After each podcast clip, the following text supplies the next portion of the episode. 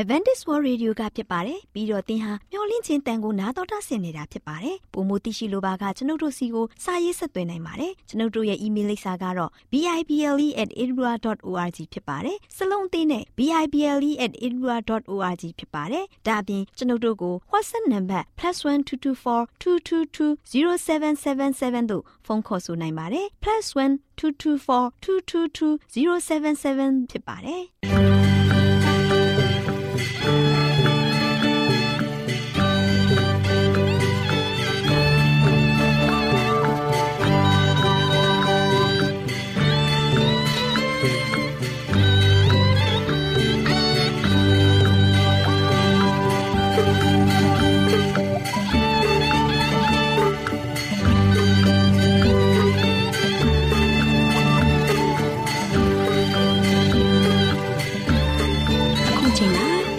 တော်ကိုမျော်လင့်သောတတ္တမနေ့အသင်းတော်ရဲ့ရေဒီယိုအစီအစဉ်ဖြစ်တဲ့ AWR မျော်လင့်ခြင်းအတန်လွင့်အစီအစဉ်ကိုစတင်တန်လွင့်မှာဖြစ်ပါတယ်ရှင်။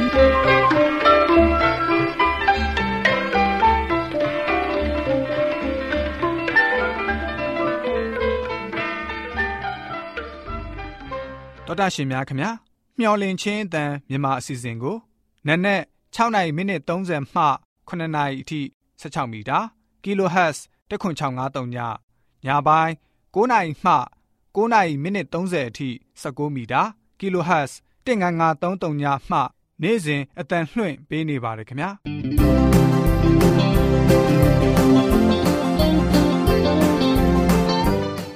ဒေါက်တာရှင်များရှင်ဒီကနေ့ထုတ်လွှင့်တင်ဆက်ပေးမယ့်အစီအစဉ်တွေကတော့ကျမ်းမာပျော်ရွှင်လူပေါင်းတွင်အစီအစဉ်တရားဒေသနာတော်အစီအစဉ် အထွေထွေဘုဒ္ဓအစီအစဉ်တို့ဖြစ်ပါတယ်ရှင်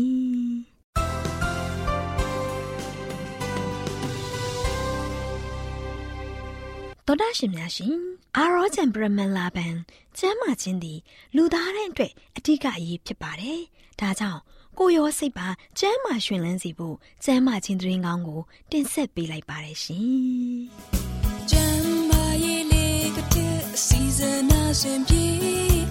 လိုက်လျှောက်တမဲ့ထိန်သိမ်းစို့ွယ်တို့ခန္ဓာကိုယ်ကို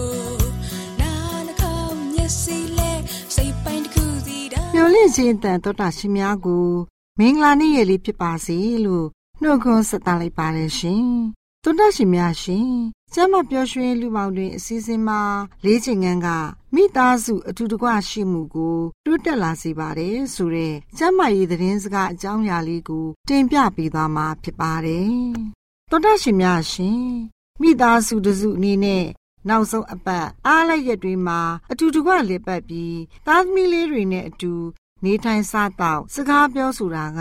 မိသားစုကိုနှွေးထွေးမှုဖြစ်စေပါတယ်။သားသမီးလေးတွေနဲ့အတူတောင်တက်ခဲ့ရတာတောရဲလမ်းလျှောက်ခဲ့ရတာတောရဲမှာစခန်းချပြီးမိသားစုရဲ့အတွေ့အကြုံတွေကိုဝေမျှပြောဆိုခြင်းအပြင်မိသားစုစစံရေးကို တိုးတက်စေပါတယ်။သောတာရှင်များရှင်လူနှဦးရှိပြီးသူတို့ဟာသူတို့ရဲ့အိမ်ကိုတိဆောက်ကြပါတယ်။တယောက်သောသူကတော့အိမ်အမြန်ရဖို့အတွက်သူ့အုတ်မြစ်ကိုတဲထဲမှာအုတ်မြစ်ချခဲ့ပါတယ်။တယောက်ကတော့ကြောက်ပေါ်မှာသူ့ရဲ့အိမ်ကိုတိဆောက်ခဲ့ပါတယ်။တော်တော်ရှင်များရှင်လေပြင်းမုန်တိုင်းကြတဲ့အခါမှာတော့တဲပေါ်မှာဆောက်တဲ့အိမ်ကပြိုကျသွားခဲ့ပါတယ် တဲပေါ်မှာမဆောက်ပဲကြောက်ပေါ်မှာတီဆောက်တဲ့အိမ်ကတော့မပြိုလဲပဲလုံးချုံစွာ ခိုင်ခန့်နေခဲ့ပါတယ်။တဲပေါ်မှာမဆောက်ပဲကြောက်ပေါ်မှာတီဆောက်အတွက်မပြိုလဲပဲဘေးကင်းခဲ့ပါတယ်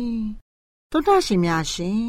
ဒီအဖြစ်ပြက်လေးကို လေးချင်ငံပြုလုပ်တာနဲ့နှိုင်းရှင်ပြခြင်းပါတယ်။လုတ်တဲ့နဲ့ဆိုတာကိုတော့လက်ခံကြပြီးမဲ့လက်တွေ့လှုပ်ဆောင်မှုကအခက်အခဲဖြစ်နေပါတယ် ကျမတို့အသက်တာရဲ့အပိုင်းအခြားတွေကိုအခြားအပိုင်းတွေကိုလှုပ်ရှားမှုပေးစွမ်းနိုင်တဲ့ရည်ရွယ်ချက်နဲ့လှုပ်ရှားရပါမယ်။ကျမ်းမာမှုရရှိဖို့လေးချိန်ငန်းကိုရယူရမှာလည်းဖြစ်ပါတယ်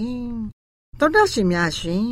သွေးဖိအားနှလုံးယောဂနဲ့လေဖြတ်တာကိုတိုက်ဖြတ်ပြီးတဲ့လေးချိန်ငန်းအကျိုးကျေးဇူးတွေကတနေ့တာအတွက်လှုပ်ဆောင်ချက်ဖြစ်ပါတယ်။ကျမတို့အတွက် ကျမ်းမာမှုကနေ့စဉ်ရွေးချယ်မှုဖြစ်တဲ့အတွက်ယခုပင်လှုံ့ဆော်ရမှာဖြစ်ပါတယ်။သောတာရှင်များရှင်ကျမတို့အနေနဲ့မိမိအတွက်လေးကျင်ခံပြုလုပ်ဖို့အစီအစဉ်ကိုရေးဆွဲလိုက်ပါအလုတ်ကိုစိတ်မပါပဲလုပ်ရတာတဲ့ပျော်ရွှင်စွာလှုပ်ဆောင်မယ်ဆိုရင်လေးချင်ငံအကျိုးကျေးဇူးတွေရရှိပြီးပုံမကျမ်းမာလာမှာဖြစ်ပါတယ် ဒါအပြင်တောင်တက်တာကြောက်နေအပေါ်လန်းလျှောက်တာတင်းနစ်ရိုက်တာဘတ်စကတ်ဘောကစားတာအလေးမတာဆဲ့ဘိန်းစီးတာဆွဲဆန့်တာစတဲ့လေးချင်ငန်းတွေကို ကျမတို့အနေနဲ့ပြုလုပ်ပေးရမှာဖြစ်ပါတယ်။လေးချင်ငန်းပုံမှန်ပြုလုပ်တာကအရေးအကြီးဆုံးဖြစ်ပါတယ်။ကျမတို့ရဲ့တက်တာကိုကျမ်းမာပျော်ရွှင်ပြီးငယ်ရွယ်နှုပြိုစေဖို့လေးချင်ငန်းကိုအခုပဲလှုပ်ဆောင်တာကအကောင်းဆုံးပဲမဟုတ်ပါလား လေးစားရတဲ့သောတာရှင်များရှင်ကျမတို့ရဲ့ဘဝတရားကိုသဲပေါ်မှာအုံမြင့်ချတဲ့သူကဲ့သို့မဖြစ်စေဘဲကြောက်ပေါ်မှာတိဆောက်တဲ့သူကဲ့သို့မှန်ကန်တဲ့ဘဝနေထိုင်မှုစနစ်ကိုမှန်ကန်စွာ ရွေးချယ်လုပ်ဆောင်နိုင်ကြပါစေတော်တာရှင်များအားလုံးကျမ်းမာဒုက္ခအပြားပြားနဲ့ပြည့်စုံကြပါစေလို့ဆုတောင်းပေးလိုက်ရပါတယ်ရှင်ကျေးဇူးတင်ပါတယ်ရှင်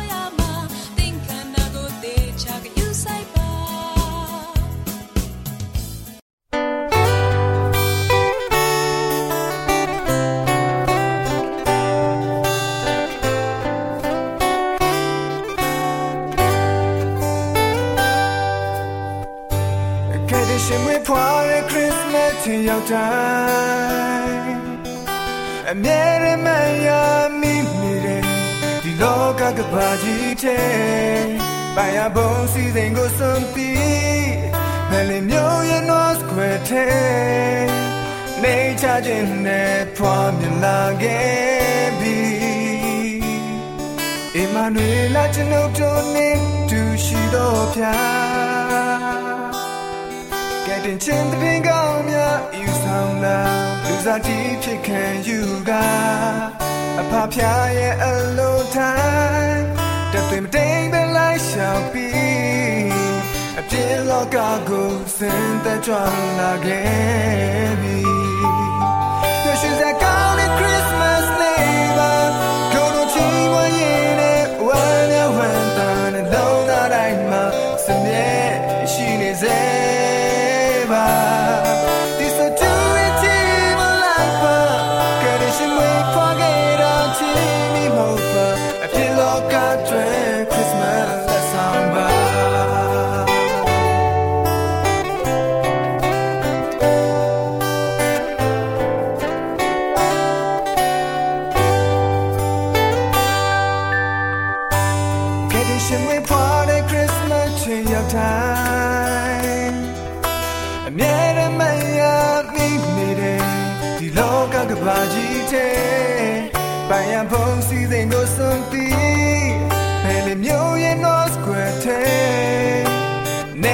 ခြင်းနဲ့ပွားမြင်လာခဲ့ပြီအမနွေလာကျွန်ုပ်တို့နဲ့တူရှိတော့ပြကဲတင်ချင်းတင်ကောင်းများယူဆောင်လာလူစားတီးဖြစ်ခံယူကအဖဖျားရဲ့အလုံးတိုင်းတပင်တိမ်တဲ့လိုက်ရှောင်ပြီးအပြင်းလောကကိုစင်သက်ကြွလာခဲ့ပြီ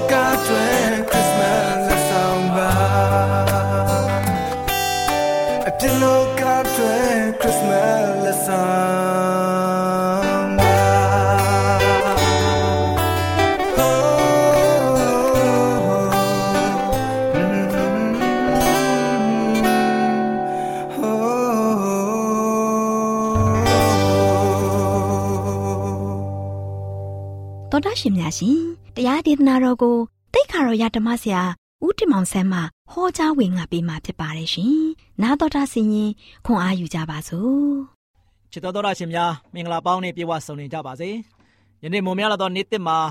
တော်တာရှင်တို့နဲ့တူပြန်လည်ပြီးတော့မျော်လင့်ခြင်းဓမ္မလေလိုင်းကနေမှပြန်လည်တွေ့ဆုံခွင့်ရတဲ့အတွက်လည်းထူးပဲကျေးဇူးတင်ပါတယ်။ချစ်တော်မိတ်ဆွေများယနေ့ဤခရစ်တော်မွေးနေ့ရာသီမှာတို့ရှိရင်ခရစ်တော်ရဲ့အကြောင်းအရာစဝင်တွေကိုဇက်တိုက်တင်ပြနေတာဖြစ်ပါတယ်။ ဒီနေ့မှာတော့ဆက်လက်ပြီးတော့တင်ပြသွားခြင်းတဲ့သတင်းစကားကတော့ဗိမာန်တော်တဲကသူငယ်တော်ယေရှုဆိုတဲ့အကြောင်းအရာနဲ့ဆက်လက်ပြီးတော့တင်ပြသွားခြင်းပါတယ်။ရှင်မသက်ခန်းကြီးနှစ်အငယ်19ကနေမှ23မှာတို့ရှိရင်ဟေရုမင်းကြီးတည်ပြည့်တဲ့နောက်မှာဆိုလို့ရှိရင်တော့ကောင်းကင်တမန်တစ်ပါးကအိမ်မက်ထဲမှာယောသကိုထပါမိခင်တဲ့ကလေးကိုခေါ်ပြီးတော့တင်းရဲ့တိုင်းပြည်ကိုပြန်သွားပါလို့ပြောပါတယ်သူငယ်တော်ကိုတတ်ချင်တဲ့ဟေရုမင်းကြီးဟာလို့ရှိရင်တည်သွားပါပြီ ဒါကြောင့်ယောသဟာလို့ရှိရင်သူ့ရဲ့မိသားစုနဲ့တူသူတို့ရဲ့တိုင်းပြည်ကိုပြန်သွားခဲ့တယ်ဒါပေမဲ့ဟေရုမင်းကြီးရဲ့သားဟာဆိုလို့ရှိရင်ယူဒပြည်ရဲ့ရှင်ပြန်ဖြစ်လာတဲ့အကြောင်းကိုယောသကြားတဲ့ခါမှာလို့ရှိရင်ယူဒပြည်ကိုသွားရမှာကြောက်နေတယ်အဲ့ဒါကြောင့်ဘုရားသခင်ကသူ့အားဂါလိလဲပြည်ကိုသွားဖို့ကြံအတွက်အိမ်မက်ပေးပြန်တယ်ယောသကလည်းနာသရက်မြို့မှာသွားပြီးနေထိုင်ခဲ့တယ်ကိုတော်ကိုနာသရက်မြို့သားလို့ခေါ်ကြလိမ့်မယ်ဆိုတဲ့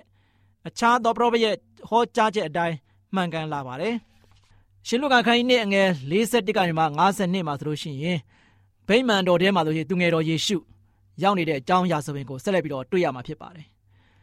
ယူဒယောက်ျားလေးများဆိုလို့ရှိရင်အသက်32နှစ်ပြည့်ရင်ယူဒဘာသာရေးအခမ်းအနားများမှာလို့ရှိရင်ပါဝင်ခွင့်ရကြတယ်။ဗိမာန်တော်ရဲ့ယင်ပြင်မှာဆိုလို့ရှိရင်ဘာသာရေးကောင်းဆောင်များဟာစကားပြောဆိုဆွေးနွေးကြပြီးတော့မိဂုံများကိုဖြေကြားလိမ့်ရှိတယ်။ နှစ်စဉ်နှစ်တိုင်းသူငယ်တော်ယေရှုရဲ့မိမတွေဟာပတ္တကပွဲခံချိန်မှာဆိုလို့ရှိရင်ယေရုရှလင်မြို့ကိုသွားကြတယ်။ဒါကြောင့်12နှစ်အရွယ်ရှိပြီးဖြစ်တဲ့သူငယ်တော်ယေရှုလေးကိုအဲ့ဒီပွဲတော်ကိုခေါ်သွားကြတယ်ပတ္တကပွဲပြီးတဲ့အခါမှာဆိုလို့ရှိရင်သူငယ်တော်ယေရှုဟာဗိမာန်တော်ထဲမှာကြံရစ်ခဲ့တယ်။ဒီလိုကြံရစ်ခဲ့တာကိုသူမိဘတွေကမသိကြဘူး။သူတို့ရဲ့သားဟာဆွေမျိုးတွေမိတ်ဆွေတွေနဲ့အတူရှိနေတယ်လို့ပဲထင်ကြတယ်။ တနေ့လုံးခရီးပြုတ်ပြီးတဲ့နောက်မှာဆိုလို့ရှိရင်သူသမီးမိဘတွေဟာယေရှုကိုရှာဖွေကြတယ်။သူ့ကိုရှာလို့မတွေ့တဲ့အခါမှာဗိမာန်တော်ကို ပြန်ပြီးတော့ရှာကြတယ်။သုံးရက်မြောက်တဲ့နေ့မှာသူငယ်တော်ယေရှုကိုဗိမာန်တော်ထဲမှာတွေ့ကြတယ်။အဲဒီယေရုရှလင်မြို့ပတ္တကပွဲမှာလူဘလောက်များတယ်မိတ်ဆွေခံမန်းလို့ရမှာပဲ။လူအများအများစွာလာကြတဲ့အတွက်ကြောင့်သခင်ယေရှုရဲ့မိဘတွေဟာ ဗိမာန်တော်ထဲမှာပြန်လဲရှာဖွေတာ၃ရက်မြောက်မှာပဲသူငယ်တော်ယေရှုကိုပြန်တွေ့ခဲ့တာဖြစ်ပါတယ်။သူဟာဘာသာရေးဆရာတွေနဲ့အတူထိုင်နေတယ်။ဆရာတွေရဲ့တရားစကားကိုနားထောင်ပြီးတော့သူတို့နဲ့ဆွေးနွေးမေးမြန်းတယ်သူငယ်တော်ယေရှုရဲ့စကားကိုကြားရတဲ့လူတွေအားလုံးလို့ရှိရင်သူ့ရဲ့အသိပညာနဲ့ဖြေကြားချက်တွေကိုအံ့ဩကြတယ်။သူမိဘနှစ်ပါးဟာလည်းသူ့ကိုတွေးတဲ့အခါမှာအလွန်အံ့ဩအားသင့်သွားကြတယ်။သူရဲ့မိခင်ကတော့တားရဲ့ဘာကြောင့်ဒီလိုလုပ်ရတာလဲ။ မင်းကိုဖေဖေနဲ့မေမေတို့စိုးရိမ်တကြီးနဲ့ရှာခဲ့တယ်ပြောတဲ့အခါမှာဆိုရှင်ကျွန်တော်ကိုဘာဖြစ်လို့ရှာတာလဲ။ကျွန်တော်ဟာဆိုရှင်ခမဲတော်ရဲ့အိမ်တော်မှာနေရမယ်ဆိုတာမသိကြဘူးလားလို့ပြန်ဖြေခဲ့ပါတယ်ဒါပေမဲ့မိဘနှစ်ယောက်စလုံးဟာဆိုလို့ရှိရင်သူပါပြောလဲဆိုတာကိုလုံးဝနားမလည်ကြဘူးအဲ့ဒီနောက်မှာဆိုရှင်သူငယ်တော်ယေရှုဟာနာဇရက်မြို့ကိုမိဘတွေနဲ့ပြန်သွားတယ်သူဟာမိဘစကားကိုနားထောင်သူဖြစ်တယ်သူ့အမေကတော့ အဖြစ်ပြက်တွေအားလုံးကိုစဉ်းစားတွေးတောနေလျက်ရှိတယ်သူငယ်တော်ယေရှုဟာဆိုရှင်တဖြည်းဖြည်းကြီးပြင်းလာတယ်အသိဉာဏ်ဖွံ့ဖြိုးတိုးတက်လာပြီးတော့ကျမ်းမာတန်ဆွမ်းလျက်ရှိတယ်သူဟာဘုရားသခင်ရှေ့လူတို့ရှေ့မှာမျက်နာပွင့်လန်းတဲ့သူဖြစ်လာတယ်ဒါကြောင့်ချစ်တော်မိတ်ဆွေသခင်ယေရှုဟာဆိုရှင်ငယ်စဉ်တောင်ချေကလေးဘွားကနေစပြီးတော့မိဘရဲ့အရေးအအောက်မှာဆိုရှင်ရှင်တန်ခဲ့ပြီးတော့မိဘရဲ့စကားကိုတသွေမတိန်နားထောင်လိုက်လျှောက်တဲ့ကလေးသူငယ်ဖြစ်ကြောင်းကိုတွေ့ရပါတယ် မိဘကပြန်ပြီးတော့ခေါ်တဲ့ခါမှာထက်ချက်မကွာနဲ့ပြန်လိုက်သွားခဲ့ပါတယ်ချစ်တော်မိတ်ဆွေဒါကြောင့်ခရစ်တော်ကဆိုရှင်ယေရှုဟာဒီကမ္ဘာလောကကြီးကိုလာရောက်တဲ့ခါမှာမိဘနဲ့အတူလက်ပွန်းတရီနေထိုင်ုံမကပဲနဲ့မိဘအနေနဲ့အတူသွာလာလှုပ်ရှားပြီးတော့မိမစကားကိုနားထောင်ခြင်းအပြင်လူရှိဖျားရှိမှမျက်နှာသာရခဲ့တဲ့ကလေးသူငယ်လေးဖြစ်ပါတယ်ဒီနေ့မှာကြားနာခဲ့တဲ့သတင်းစကားကတော့ဗိမာန်တော်တဲကသူငယ်တော်ယေရှုကျောင်းကိုကြားရတဲ့ခါမှာ သူငယ်တော်ယေရှုဗိမာန်တော်ထဲမှာရောက်တဲ့ခါမှာဘလောက်အံ့ဩဖွယ်ရာကောင်းတယ်ကျမ်းတက်ဆရာတွေကျမ်းပြုဆရာတွေနဲ့ဆွေးနွေးမေးမြန်းပြောဆိုတဲ့အရာတွေခါလို့ရှိရင်ကျမ်းတရားဆရာတွေအတွက်လည်းအားသင့်စရာဖြစ်တယ်လို့ယနေ့ကြားနာခဲ့ရတဲ့သူတွေအားလုံးအတွက်ကလည်းသခင်ယေရှုကိုဖြေချချက်တွေကိုနားဆင်ရတဲ့အခါမှာသူတို့အတွက်လည်းအံ့ဩဖွယ်ရာများဖြစ်ခဲ့ပါတယ်။ဒါကြောင့်ဒါဆိုရှင်အမှန်တကယ်ဖြစ်ခဲ့တဲ့အရာဖြစ်တယ်။ ယေရုရှလင်မြို့ရဲ့ဗိမာန်တော်မှာဆိုရှင်သခင်ယေရှုတွားရောက်ခြင်းဟာဆိုရှင်အသက်ငယ်စဉ်၁၂နှစ်မှာတွားရောက်ခဲ့တာဖြစ်ပါတယ်။နောက်ချစ်တော်မိတ်ဆွေယနေ့ဖရာသခင်ဟာဆိုရှင်ဒီကမ္ဘာလောကကိုကြွဆင်းလာပြီးတော့ဖရာတရားရှိတဲ့သူတရားဖြစ်တယ်ဆိုတာကိုတွေ့ရပါတယ်။ဒါကြောင့်သခင်ခရစ်တော်ရဲ့ဗိမာန်တော်ထဲမှာတွားလာခြင်းရဲ့အကြောင်းအရာဆိုပင်ကိုကြားရနာရတဲ့ခါမှာကျွန်တော်တို့အားလုံးအတွက်ကယ်တင်ရှင်ဟာလို့ရှိရင်ဉာဏ်ပညာအားဖြင့်တိုးပွားပြီးတော့အသိပညာဖွင့်ပြပြီးတော့ မိခင်ဖခင်တို့ရဲ့စကားကို နားထောင်တဲ့သူတယောက်ဖြစ်ကြောင်းကျွန်တော်တို့ကြားသိရတဲ့ခါမှာယနေ့ချစ်တော်မိတ်ဆွေများအတွက်ခွန်အားတည်တည်ရရှိလိမ့်မယ်လို့လည်းမျှော်လင့်ပါတယ်အားလုံးပေါ်ဖခင်ကောင်းကြီးချပေးပါစေတဲ့ကောင်းငယ်ပုံ၌တရှိတော်မူသောဖဖျားယနေ့ကရိုရှင်သခင်ခရစ်တော်သည်ဧကပါလောကကိုကြွမြန်း၍လာခဲ့ပါပြီယနေ့အသက်12နှစ်ပြည့်တဲ့ခါမှာယေရုရှလင်မြို့ရဲ့ဗိမာန်တော်မှာရှိတဲ့ပတ္တကပွဲမှာပါဝင်ဆင်နွှဲခဲ့သောကလေးသူငယ်လေးလည်းဖြစ်ခဲ့ပါတယ်။သူဒီလူတော်ထဲမှာတွားရောက်ခြင်း တဲ့အခါမှာလေကရိုရှင်ပြရဲ့လင်းကရိုရှင်ပြရဲ့ဘုံကိုထင်ရှားရုံနဲ့မကဘဲနဲ့ကျမ်းပြုဆရာများကျမ်းတက်ဆရာများနဲ့တူဆွေးနွေး၍ကရိုရှင်ပြရဲ့လင်းတရားကိုပုံမပြီးမှထွန်းလင်းတောက်ပသောလူငယ်လေးဘဝအဖြစ်ရှင်သန်ခဲ့ပါတယ်။ကိုရောကိုကျေးဇူးတင်တယ်။ယနေ့သားသမီးတို့ဒီလေကရိုရှင်ပြရဲ့အလိုတော်ကိုဆောင်၍ကရိုရှင်ပြရဲ့အလိုတော်တိုင်းအသက်ရှင်ပြီးတကလား။ကိုရှင်ပြပေးတဲ့ကောင်းချီးမင်္ဂလာကိုအမြဲတမ်းခံစားဖို့ရန်အတွက်မာတော်မီကြောင်းတပိုင်တော်တော်သခင်ခရစ်တော်၏နာမတော်ကိုမြှွေးစတောင်းပါတယ်ဖပါဗျာ အာမ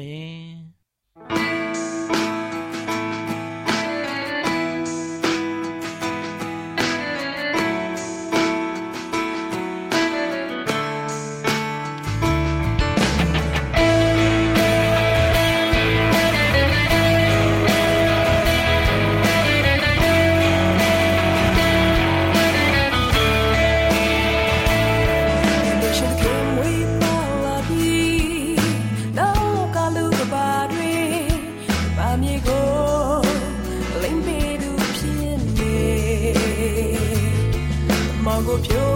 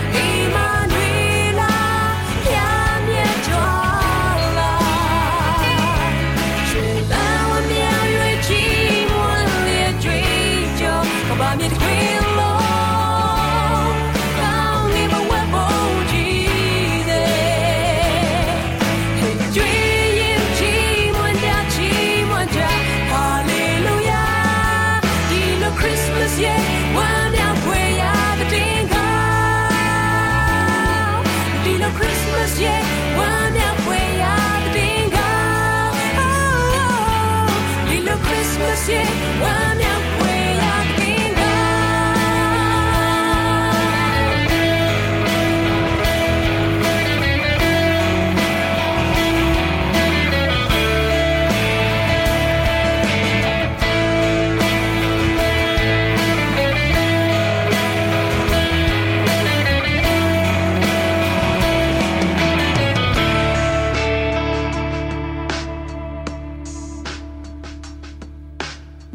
လင့်ခြင်းအသာလွင့်အစီအစဉ်ကို နာတော်တာဆင်နေကြတဲ့တူလေးတူမလေးတို့အားလုံးကျမ်းမာပျော်ရွှင်ဒုက္ခအပေါင်းနဲ့ပြည့်ဝကြပါစေလို့ဆန္ဒပြုဆုတောင်းလိုက်ပါရယ်ကွယ်တူလေးတူမလေးတို့ရေခရစ်တော်မွေးဖွားတဲ့လမှာခရစ်မတ်နဲ့ပတ်သက်တဲ့ပုံပြင်လေးတွေကို နားထောင်ကြရအောင်နော်ဒီနေ့ဒေါ်လေးလှလှပြောပြမယ်မှတ်သားဖွယ်ရာခရစ်မတ်ပုံပြင်လေးကတော့မောင်ထူးလေးရဲ့အကောင်းဆုံးခရစ်မတ်လက်ဆောင်ဆိုတဲ့ပုံပြင်လေးပေါ့ကွယ်တူလေးတူမလေးတို့ရေ ဦးမောင်မောင်နဲ့ဒေါ်ချိုးဆိုတဲ့ဇနီးမောင်နှံနှစ်ယောက်မှာမောင်ထူးဆိုတဲ့သားလေးတယောက်ရှိတဲ့ကွယ်မောင်ထူးလေးဟာအသက်6နှစ်ရှိပြီပေါ့ကွယ်မောင်ထူးရဲ့မိဘတွေကတိတ်ဆင်းရဲကြတယ်ကွရွှေငွေမရှိပဲဆင်းရဲပေမဲ့စိတ်ချမ်းသာကြတယ်ကွဒီလိုနဲ့ခရစ်စမတ်ရောက်တဲ့နှစ်တစ်နှစ်မှာအိမ်သားနီးချင်းတွေကခရစ်စမတ်လက်ဆောင်တွေပေးဖို့စီစဉ်ကြတာပေါ့မောင်ထူးတို့မိသားစုကတော့စားဖို့တော့အနိုင်နိုင် တယောက်ကိုတယောက်လက်ဆောင်ပေးဖို့ဝယ်စရာပိုက်ဆံမရှိဘူးပေါ့ကွယ်မောင်ထူးလေးလည်းလက်ဆောင်လှလှလေးတွေလိုချင်တာပေါ့တငယ်ချင်းတွေကိုလည်းလက်ဆောင်ပေးချင်တာပေါ့ကွယ်ဒါပေမဲ့မရှိတော့လဲမပေးနိုင်ရှာဘူးပေါ့ဒူလေးဒူမလေးတို့ရေတနေ့တော့ဦးမောင်မောင်ဟာသားလေးမောင်ထူးအတွက်ခရစ်စမတ်တစ်ပင်လေးတစ်ပင်ပြုတ်လုပ်ပေးတယ်။ဘာနဲ့ပြုတ်လုပ်လဲဆိုတော့ထင်းယူကိုင်းလေးတွေနဲ့ပေါ့ကွယ်။တစ်ပင်ရဲ့ထိပ်မှာငွေကြယ်လေးတွေတတ်ထားတယ် ဒါပေမဲ့ကျယ်လေးတွေကအယောင်မရှိဘူးပေါ့။ရောင်စုံဘောလုံးလေးတွေလည်းမရှိဘူး။တစ်ပင်ကအကြီးကြီးတော့မဟုတ်ဘူးပေါ့ကွယ်။ဒါပေမဲ့လှပတဲ့ကြိုးဖြူလေးတွေတစ်ကိုင်းမှာချိတ်ဆွဲထားတယ်။တစ်ပင်လေးကိုမောင်ထူးလေးကကြည့်ပြီးသိသဘောကျတယ်ကွ။ဒါပေမဲ့သူ့အမေကသားလေးမောင်ထူးရေဒါခရစ်စမတ်လက်ဆောင်မဟုတ်ဘူး။ဒါကိုခရစ်စမတ်မနေ့မှာမယူသွားရသေးဘူး သူများကိုပေးဖို့လည်းမသင့်တော်ဘူးပေါ့သူတို့ရဲ့အိမ်မှာပဲထားမယ်ဆိုတဲ့အကြောင်းမောင်ထူးလေးကိုပြောတဲ့သူတို့ရဲ့အိမ်မှာထားတဲ့ခရစ်မတ်တစ်ပင်လေးပေါ့ကွယ်အဲ့ဒီလိုသူ့အမေကပြောတော့မောင်ထူးလေးကစိတ်မကောင်းဘူးပေါ့ဒါပေမဲ့တူလေးတူမလေးတို့ရေတနေ့တော့မောင်ထူးလေးဟာအကြံတစ်ခုပေါ်လာတယ်ကွဘဲလိုအကြံလဲဆိုရင်အေးငါအဖေအမေကိုလက်ဆောင်ပေးမယ်အကောင်းဆုံးလက်ဆောင်ပေးမယ်ဆိုပြီးတယောက်တည်း လျှို့ဝှက်စီစဉ်တော့တာပေါ့ကွယ်ခရစ်စမတ်နေ့မနေ့စောစောရောက်တော့မောင်ထူးရဲ့ခရစ်စမတ်တစ်ပင်လေးမှာလက်ဆောင်တွေပြည့်နေတာပေါ့ကွယ်လက်ဆောင်တွေကိုပကြီးဆွဲပြီးချိတ်ဆွဲထားတယ်သူ့အဖေအတွက်ဆိုပြီးဘာဆွဲထားတယ်လဲဆိုတော့ကားအမဲတစီးအနီးရောက်မော်တော်ပုတ်တစ်စင်းလေရင်ပြန်တစ်စင်းအမေအတွက်တော့လှပတဲ့လက်စွပ်လေးတစ်ကွင်းအပြာရောင်ဂါဝန်လေးတစ်ထည် လှပတဲ့ကုတ်အင်ဂျီလေးတစ်ထည်ပုံဆွဲပြီးခရစ်စမတ်တစ်ပင်လေးမှာချိတ်ဆွဲထားတယ်လေမောင်ထူးအတွဲဆိုပြီးအဖေနဲ့အမေကလက်ဆောင်ပေးတဲ့ပုံကတော့ကစားစရာအမျိုးမျိုးပုံတွေကလားလေးတယောက်တချင်းဆူနေပုံရေးဆွဲထားပြီးချိတ်ဆွဲထားတဲ့ကွယ်သူ့အမေကိုအဖေကပေးတဲ့လက်ဆောင်ဆိုပြီးတော့လှပတဲ့အိမ်လေးတအိမ်ပေါ့နောက်သူ့အမေကအဖေအတွက်ဆိုပြီးကြပြားစာအုပ်လေးတအုပ်ရေးဆွဲပြီးချိတ်ထားတာပေါ့ ခရစ်မတ်တစ်ပင်လေးမှာမောင်ထူးရဲ့သားမိသားဖအပြန်အလှန်ပေးတဲ့လက်ဆောင်တွေပြည့်နေတော့တာပေါ့ကွယ်မောင်ထူးအမေအဖေလည်းမမျော်လင့်ပဲမောင်ထူးလေးရဲ့ခရစ်မတ်လက်ဆောင်ဖလှယ်ပွဲအစီအစဉ်လေးကိုပါဝင်ရတဲ့အတွက်သိပြီးပျော်ကြတာပေါ့ကွယ်ဒူလေးတူမလေးတို့ရေမောင်ထူးရဲ့အမေအဖေဟာအိမ်မက်တောင်မှမမက်ဖူးတဲ့သားလေးမောင်ထူးရဲ့လက်ဆောင်တွေကလုံလောက်နေပါပြီလို့ပြောပြီးအရန်ပျော်ရွှင်ကြတဲ့ကွယ်နောက်ဆုံးလက်ဆောင်တစ်ခု မောင်ထူးကပေးလိုက်သေးတယ်ကွဘာလက်ဆောင်လဲဆိုတော့လူ၃ယောက်ပုံဆွဲထားတဲ့ပကြီးပေါ့၃ယောက်ကတော့မောင်ထူးအဖေရဲ့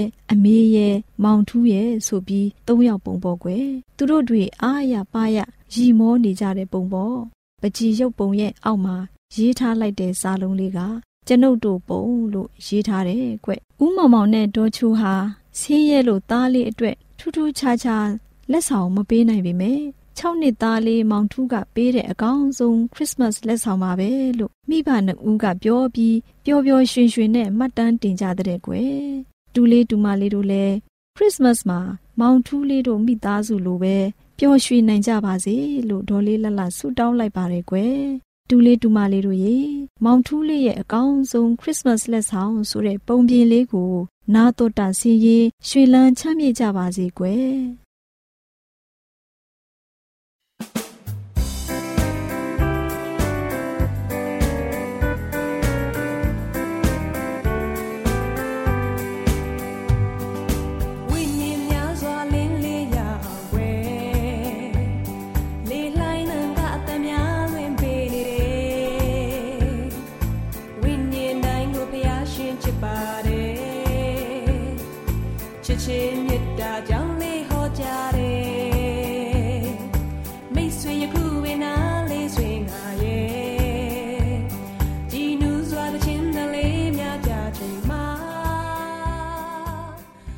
တော်တာရှင်များရှင်ကျမတို့ရဲ့ဗျာဒိတ်တော်စာပေးစာယူသင်တန်းဌာနမှာ အောက်ပါသင်တန်းများကို ပို့ချပေးလျက်ရှိပါတယ်ရှင်သင်တန်းများမှာစိတ်ဓာတ်ဒုက္ခရှာဖွေခြင်းခရစ်တော်၏အသက်တာနှင့်တုန်သင်ကြများတဘာဝတရားဤဆရာဝန်ရှိပါကျမ်းမာခြင်းနှင့်အသက်ရှိခြင်းသင်နှင့်သင်ကျမ်းမာရေးရှာဖွေတွေ့ရှိခြင်းလမ်းညွန်သင်ခန်းစာများဖြစ်ပါရဲ့ရှင်သင်တန်းအလုံးဟာ အခမဲ့သင်တန်းတွေဖြစ်ပါတယ်ဖြစ်ဆိုပြီးတဲ့သူတိုင်းကို ဂုံပြုလွှာချီးမြှင့်ပေးမှာဖြစ်ပါရဲ့ရှင်တော်တာရှင်များခင်ဗျာဗျာတိတော်အတန်းစာပေးစာယူဌာနကိုဆက်သွယ်ခြင်းနဲ့ဆိုရင်တော့ဆက်သွယ်ရမယ့်ဖုန်းနံပါတ်ကတော့39 656 296 336နဲ့39 698 316 694ကိုဆက်သွင်းနိုင်ပါတယ်။ဓာတိတော်အတန်းစာပေးစာဥထာဏာကိုအီးမေးလ်နဲ့ဆက်သွယ်ခြင်းနဲ့ဆိုရင်တော့ l a l r a w n g b a w l a @gmail.com ကိုဆက်သွင်းနိုင်ပါတယ်။ဓာတိတော်အတန်းစာပေးစာဥထာဏာကို Facebook နဲ့ဆက်သွယ်ခြင်းနဲ့ဆိုရင်တော့ s o e s a n d a r Facebook အကောင့်မှာဆက်သွင်းနိုင်ပါတယ်။ AWR မျော်လင့်ခြင်းတန်ကိုအားပေးနေတယ်တော်တာရှင်များရှင်မျော်လင့်ခြင်းတန်မှာအကြောင်းအရာတွေကိုပုံမသိရှိပြီးဖုန်းနဲ့ဆက်သွယ်လိုပါက39 2939 3926ခွန်45နောက်ထပ်ဖုန်းတစ်လုံးအနေနဲ့39 688 464 48ခွန်ကိုဆက်သွယ်နိုင်ပါတယ်ရှင်တော်တာရှင်များရှင် KSTA အာကခွန်ကျွန်းမှာ AWR မျော်လင့်ခြင်းအတံမြန်မာအစီအစဉ်များကိုအတံလွှင့်တဲ့ခြင်းဖြစ်ပါတယ်ရှင် AWR မျော်လင့်ခြင်းအတန်ကိုနာတော်တာဆင် gay ကြတော့တောတာရှင်အရောက်တိုင်းပေါ်မှာဖျားသခင်ရဲ့ကြွယ်ဝစွာသောကောင်းကြီးမင်္ဂလာတက်ရောက်ပါစေကိုစိတ်နှဖျားစမ်းမွှင်လန်းကြပါစေကျေးဇူးတင်ပါတယ်ခင်ဗျာ